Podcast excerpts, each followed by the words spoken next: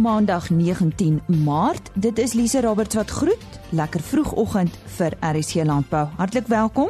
Op die spyskaart vir oggend, ons vertel u van 'n paar veilinge wat hierdie week reeds plaasvind. Ons praat met Laveld Agrochem oor presisie boerdery. Die verteenwoordiger vir rooibos in Suid-Afrika praat oor hierdie unieke Suid-Afrikaanse krui en John Boel van die Angus Teelergenootskap vertel ons van hierdie ras. Henny Maas is eerste vir oggend met veiling nuus. Hier is nou weer veiling nuus. Op die 20ste Maart van die 8ste Consortium Merino Vrystaat veiling plaas by Donkerpoort Gariepdam. 80 ramme en 1400 oeye word opgevuil deur GWK. Die eerste reuse aandeel veiling van Ferreira Bonsmaras vind uh, op die 21ste Maart plaas by Groot Draai Harry Smit. 200 koeie met kalvers 3 in 1 50 koeie met kalvers 200 koeie met kalvers winterdek seisoen 120 koeie swaar dragtig. 380 dragtige verse. 200 verse gereed vir bil. 20 kalvers. 50 vet koeie seegraad. 100 speenkalvers en 25 bulle word uh, opgevuil deur Michael Lassie Die Hannes Nolte Holstein veiling vind op die 22ste Maart plaas by goed verwag randval. Holstein vleisbeeste plaastoerusting en implemente word opgevuil deur BKB Louet. LBH Bonsmara en Creer Bonsmara produksieveiling vind op die 22ste Maart plaas by Leeu Heuwel Christiana. 22 SP bulle en 300 vroulike diere word opgevuil deur een groblaar van Vleis Sentraal en dan ook op die 22ste Maart die TRS Bonsmara se 15de produksieveiling vind by die plaas Wolwehuis Klerksdorp plaas. Tot sover dan veiling nuus. Dankie Henny bly ingeskakel want deurlopend sal hy u vertel van ander veilings wat hierdie week plaasvind. Op elke plaas is daar toestande wat wissel en indien hierdie variasie nie gemeet word nie, kan dit tot verliese vir die boer lei. Boerdery gaan oor besluite en die regte besluit moet op die regte tyd geneem word. Decision farming is 'n platform wat landbouers toelaat om positiewe variasie reg te benut en om negatiewe variasie te bestuur. Ek gesels nou met Ernst de Beer van Laveld Agrochem. Hy is besigheidsontwikkelingsbestuurder. Ernst, kom ons praat eers oor presisie boerdery. Wat is dit? Goeiemôre Lise, goeiemôre aan al die luisteraars. Presisie boerdery is 'n heel nuwe of nie 'n heel nuwe konsep nie, maar ons het 'n heel nuwe benadering. En ek wil dit as volg stel: aangesien produksiefaktore soos plaagvoorkoms onevenredig versprei voorkom, kan die verskil tussen sekere lokaliteite van dieselfde produksiefaktor nie oor die hoof gesien word nie. Dit kom voor vir ons asof produsente in die verlede variasie geïgnoreer het. En die rede hiervoor is bloot dat gevorderde tegnologie onlangs eers beskikbaar geraak het om variasie intensief te karteer, interpoleer en sodoende die effekte daarvan op opbrengs en kwaliteit uit te wys. Dit verduidelik dus dat produksie-inligting in die verlede tweedimensioneel aangebied was deur byvoorbeeld slegs die voorkoms van pla of produksiefaktore aan 'n tydlyn te koppel. Driedimensionele inligting kan geskep word wanneer 'n derde eienskap van 'n produksiefaktor of byvoorbeeld plaagvoorkoms gekoppel word, naamlik lokaliteit. Die vaststelling van akkurate lokaliteite vir sekere kwantifiserings maak die benutting en uitbuiting uitbuiting van variasie moontlik ten einde besparings en beter opbrengs en kwaliteit te bewerkstellig. En dit is basies in kort wat ons noem presisie boerdery. Nou erns by julle is daar so iets soos decision farming. Nou wat is dit? Dis reg Lisa. Precision farming is die groepnaam vir die nuutste generasie presisie tegnologie wat besluitneming by landbouproduksie op plaasvlak verbeter. Die ontwikkeling van tegnologie stel ons in staat om variasie beter vas te stel en akkurater daarop te bestuur. Laveld Agrochem in samewerking met Agri Technovation is 'n baie trotse pionier op die gebied van landboutegnologie. Ons poog daarmee om soveel as moontlik inligting te versamel om die betrokke faktore wat 'n effek op jou oesopbrengs en kwaliteit het beter te bestuur. Nou aangesien boerdery mos op of vandag oor besluit te gaan, moet die regte besluit op die regte tyd en die regte plek geneem word. Maar slegs met die regte inligting kan die regte besluit geneem word. En dit is weer eens waar Laafeld Agrochem leiding neem deur vir ons kliënte hiermee by te staan.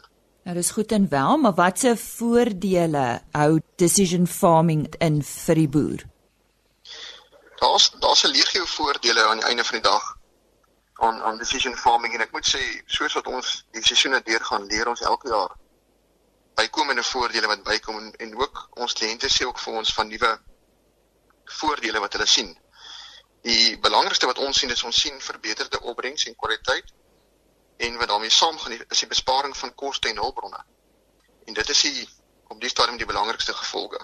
Verder meer sal dit binnekort in die moderne landbou era onaanvaarbaar wees om pla of produksiebeperkings wat oneweredig voorkom op 'n eweredige manier aan te spreek. En hoe kan decision farming gebruik word om besoedeling te beperk? Ons glo enige plaagbeheermiddel of nou chemies of biologies is of organies of anorganies van aard is moet nie toegedien word op 'n gegeewe area waar dit nie nodig is nie. Indien enige toediening onnodig geskied, so betrokke produk of materiaal in oormaat beskikbaar. En dit is dan geneig om deel te neem aan nie teikenprosesse in die omgewing wat feitelik neerkom op besoedeling in die moderne landbouera.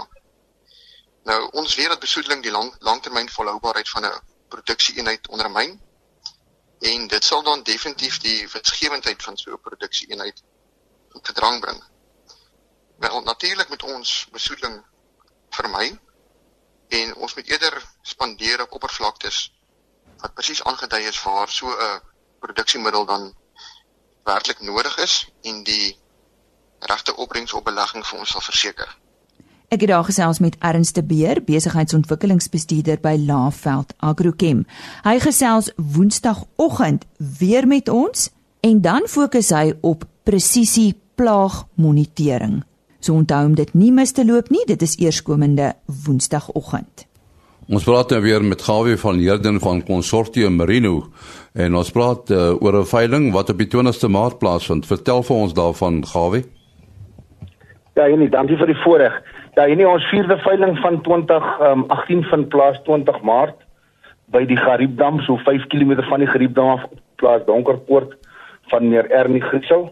Ehm um, op die veiling gaan wees 100 ramme, konsortium ramme en 1480 oeye. Jy weet jy nie ek ek dink nie ek kan oor beklemtoon met watter integriteit en met watter groot genepool die ramme kom wat ons op veilinge aanbied nie. Ons is baie opgewonde dat die veiling wat al reeds plaasgevind het baie goed gegaan. Als wys daaraan ons gaan ons mark vir jaar groei weer met 15% met ramme wat deur stelsel kom en dit maak my opgewonde. Dit sê vir my die boere kom terug om met 'n resultaat te kry. En jy kry net resultate met 'n met met 'n skaap as jy meer geld maak. Raak hulle groter, raak vinnig groei hulle vinniger, kom jou kostes af, raak jou wol langer, raak jou wol skoner, raak jou wol egaliger. En dit is presies wat konsortium kliënte ervaar. En as gevolg van hierdie seleksie druk en hierdie ramme wat ons aanbied, beteel ons boere surplus oeye van gehalte. En ek dink dit is dit is dit is iets van konsortium sou ek amper sê ons onregverdige voordeel teenoor die mark daar buite. As 'n boer by 'n as as 'n oeye op ons veiling staan, beteken dit daai oeye is op die level van enige ander oeye wat in die konsortium mee geboer word. Ek dink dit is dis dis dis nogal iets wil ek amper sê heeltemal buite kan die boks van wat boere gewoon is. Gewoonlik is dit sterk kant. Gewoonlik is dit maar uitskot oeye of gewoonlik is dit jy kry eintlik net goeie oeye beskikbaar as jy op algemene uitverkoop. By konsortium werk dit so. Ons het 'n handelsmerk op daai oeye. Daai oeye het 'n reputasie dat dit ook kop gladde oeye is wat aangepas is en en en en, en, en as 'n boer eintlik wil inskaap moet er inkom. As 'n boer sê moet er wil uitbrei, dan kom hy onmiddellik in met oeye wat op die level is wat wat by by, by enige ander konsortium boer is.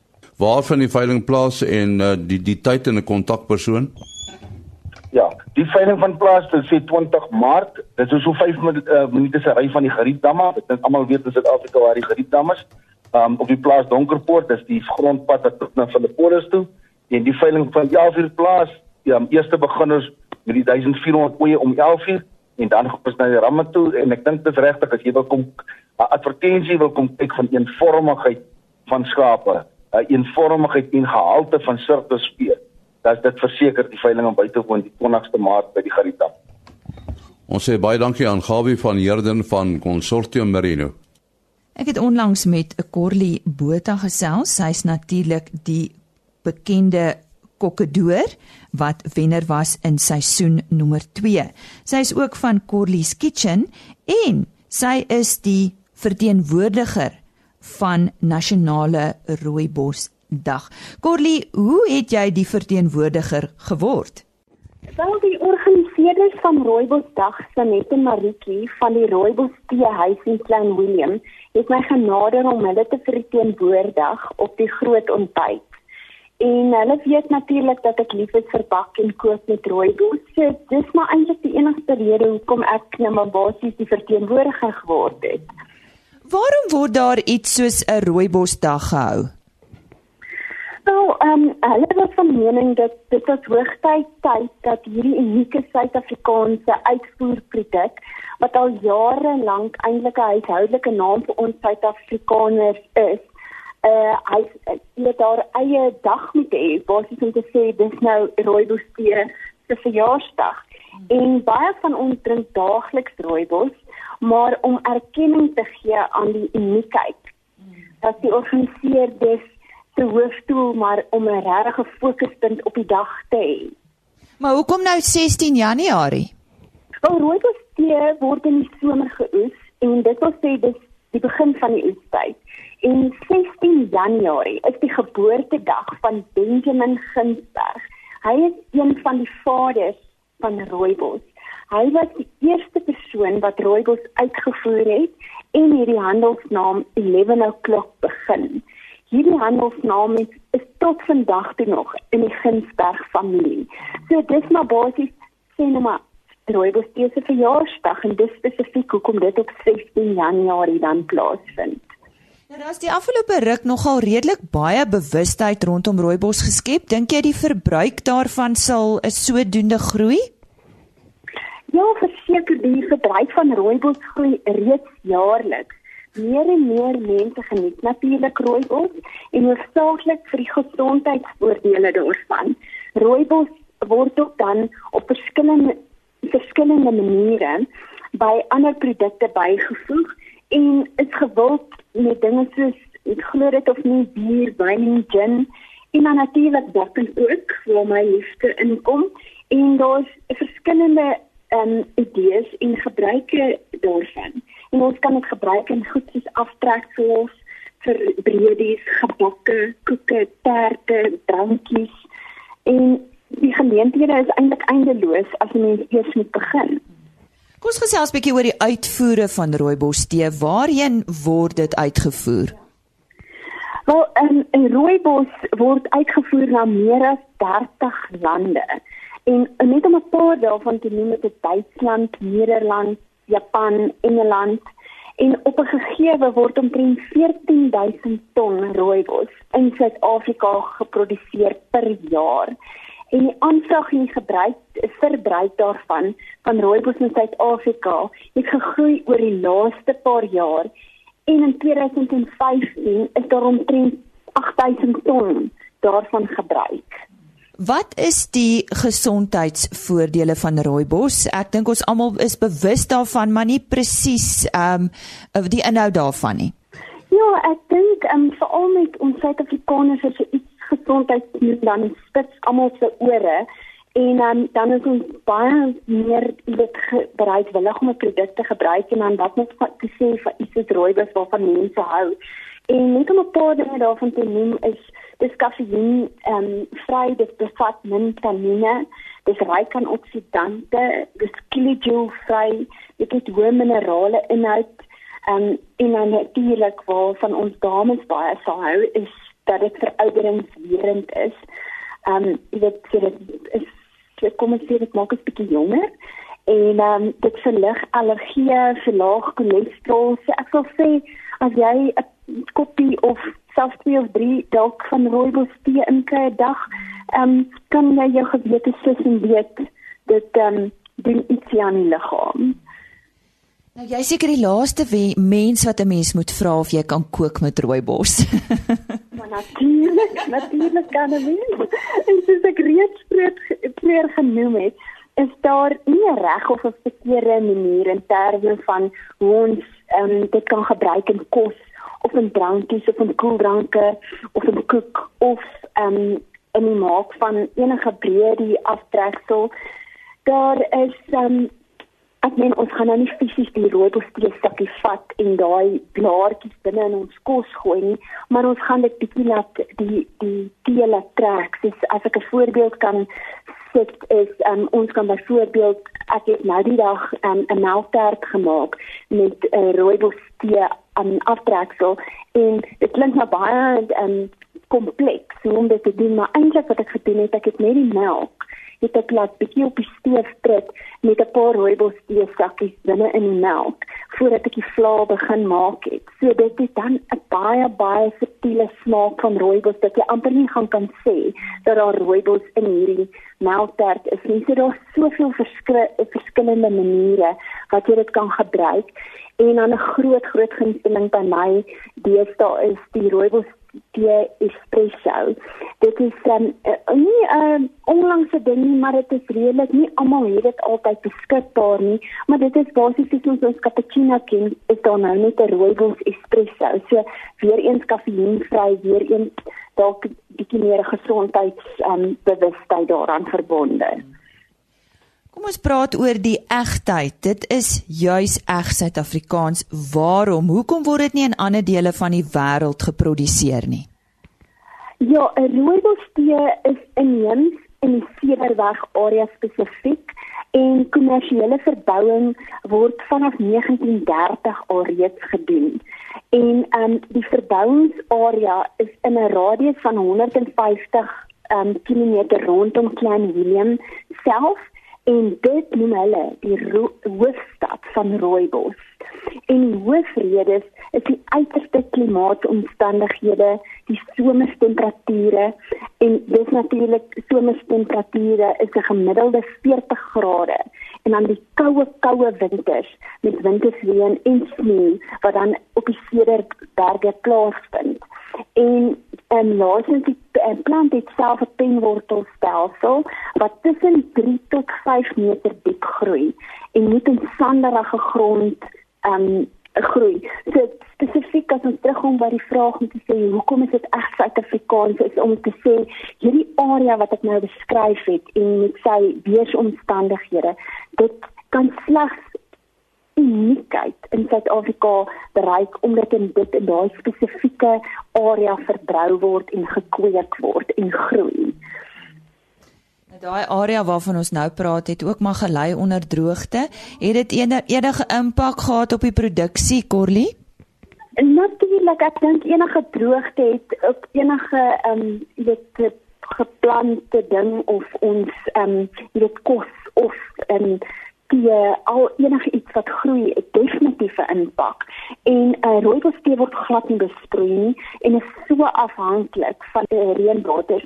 So Februarie is dit oestyd en um, hulle skat op die oomblik dat die oesopbrengs met 'n 25 persentasie minder as verlede jaar sal wees van die dele um, op die oesareas en selfs meer en dit is maar alles as gevolg van jy weet die die Kaapse jy weet die minder reën wat ons in die laaste tyd gehad het.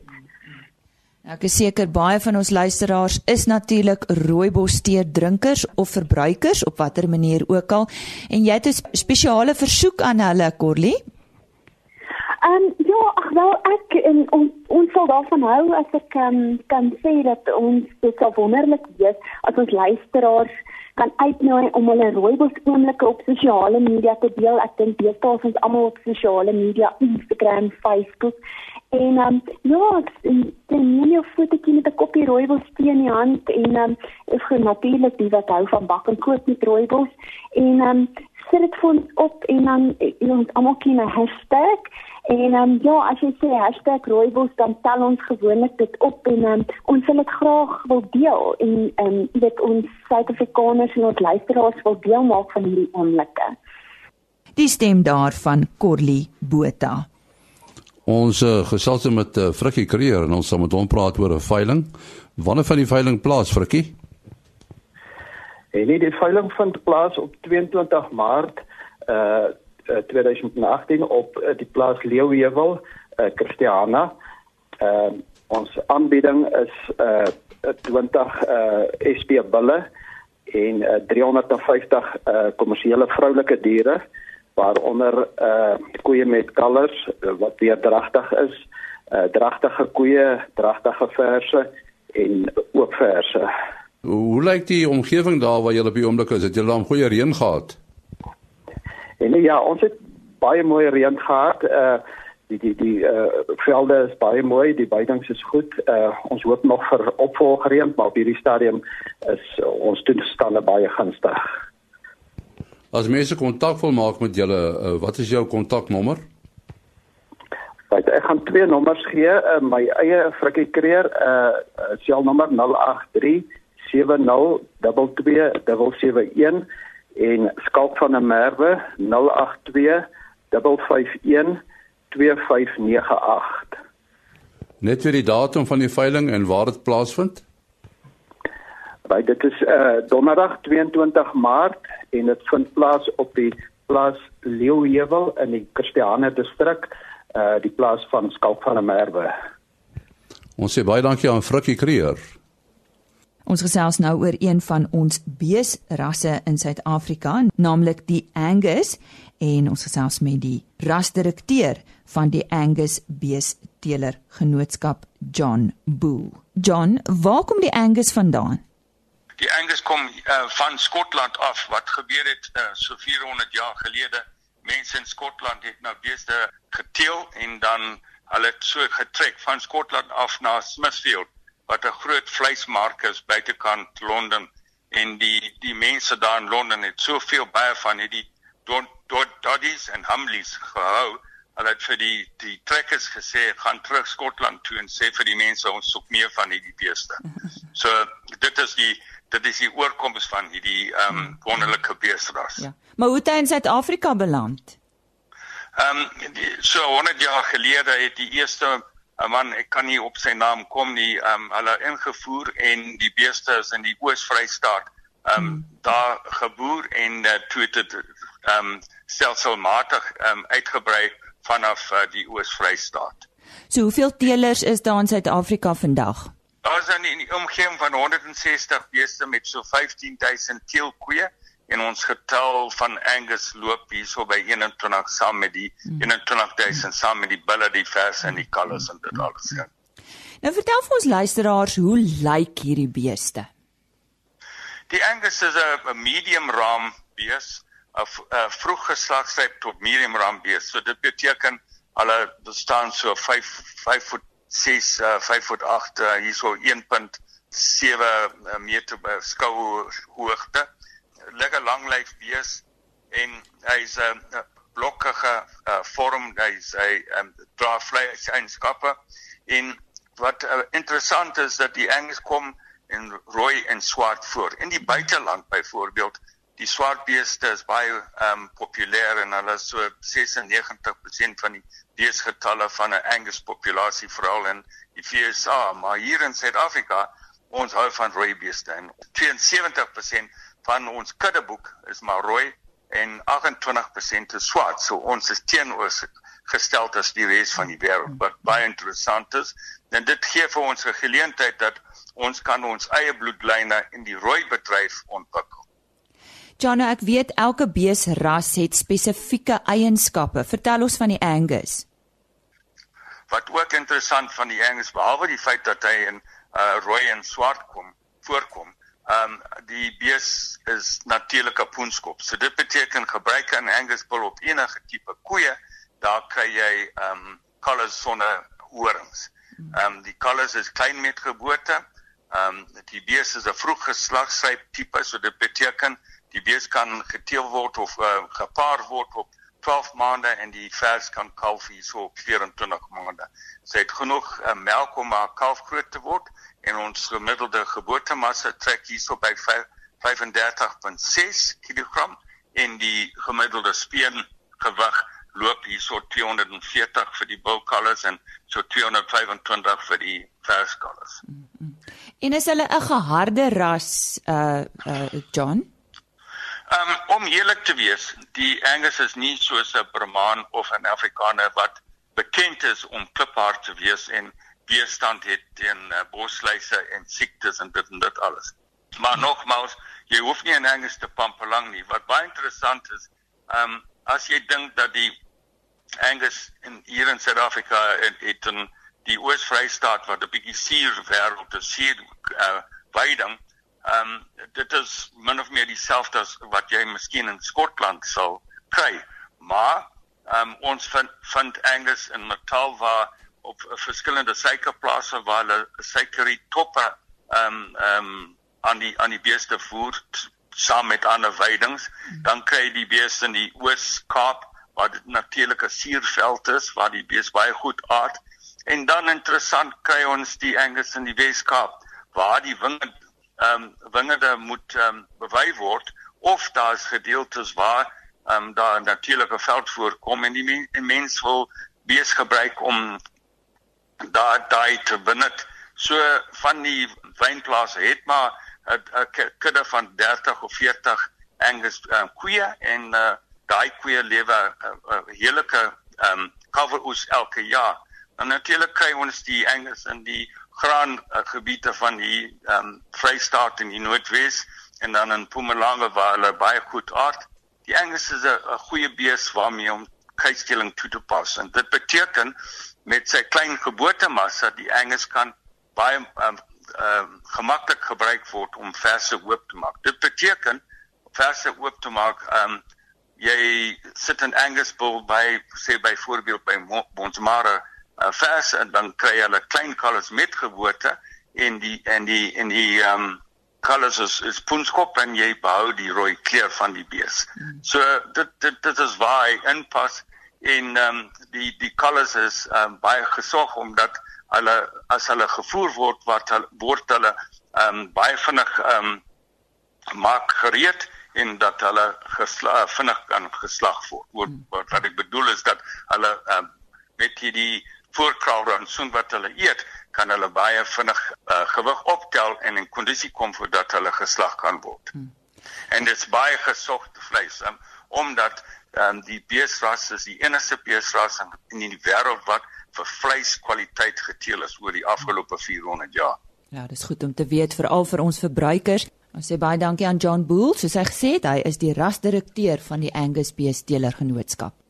Vernuis oor ons laaste veiling, Henny Maas. Ons gesels met Koti Pinaar van Teres Bons Maras wat binnekort 'n veiling hou. Wanneer vind die veiling plaas, Koti? Dis die 22 Maart, dis die dag net voor die skoolvakansie. En wat is die aanbod? Ons het um, ek en Hendrik Brits, Hendrik Brits is 'n gasverkoper wat betrokke is. Intussen twee van ons het ons 25 binne, tobele en dan so 100 vroulike diere in alle stadia van produksie. En uh, waar vind dit plaas? Uh dis op my plaas, Wolwys, en dis so halfpad tussen Regina en Leeudoringstad. Het julle dan reën gehad daar? Dit lyk baie goed by ons. Ehm um, ons het nie baie reën gehad nie, maar ons het op goeie tye reën gehad. Die diere is in 'n pragtige kondisie. Goed, gou die uh, telefoonnommer as mense wil skakel. Ehm um, ek gaan my selfoonnommer gee, dis 082 440 5881. Baie dankie aan Kotie Pinaar. Onthou môreoggend weer by ons aan te sluit, net so na 05:30. Ons kuier graag weer saam met u. Totsiens. RSG Landbou is 'n produksie van Plaas Media. Produksieregisseur Henny Maas. Aanbieding Lisa Roberts. En inhoudskoördineerder Jolandi Root.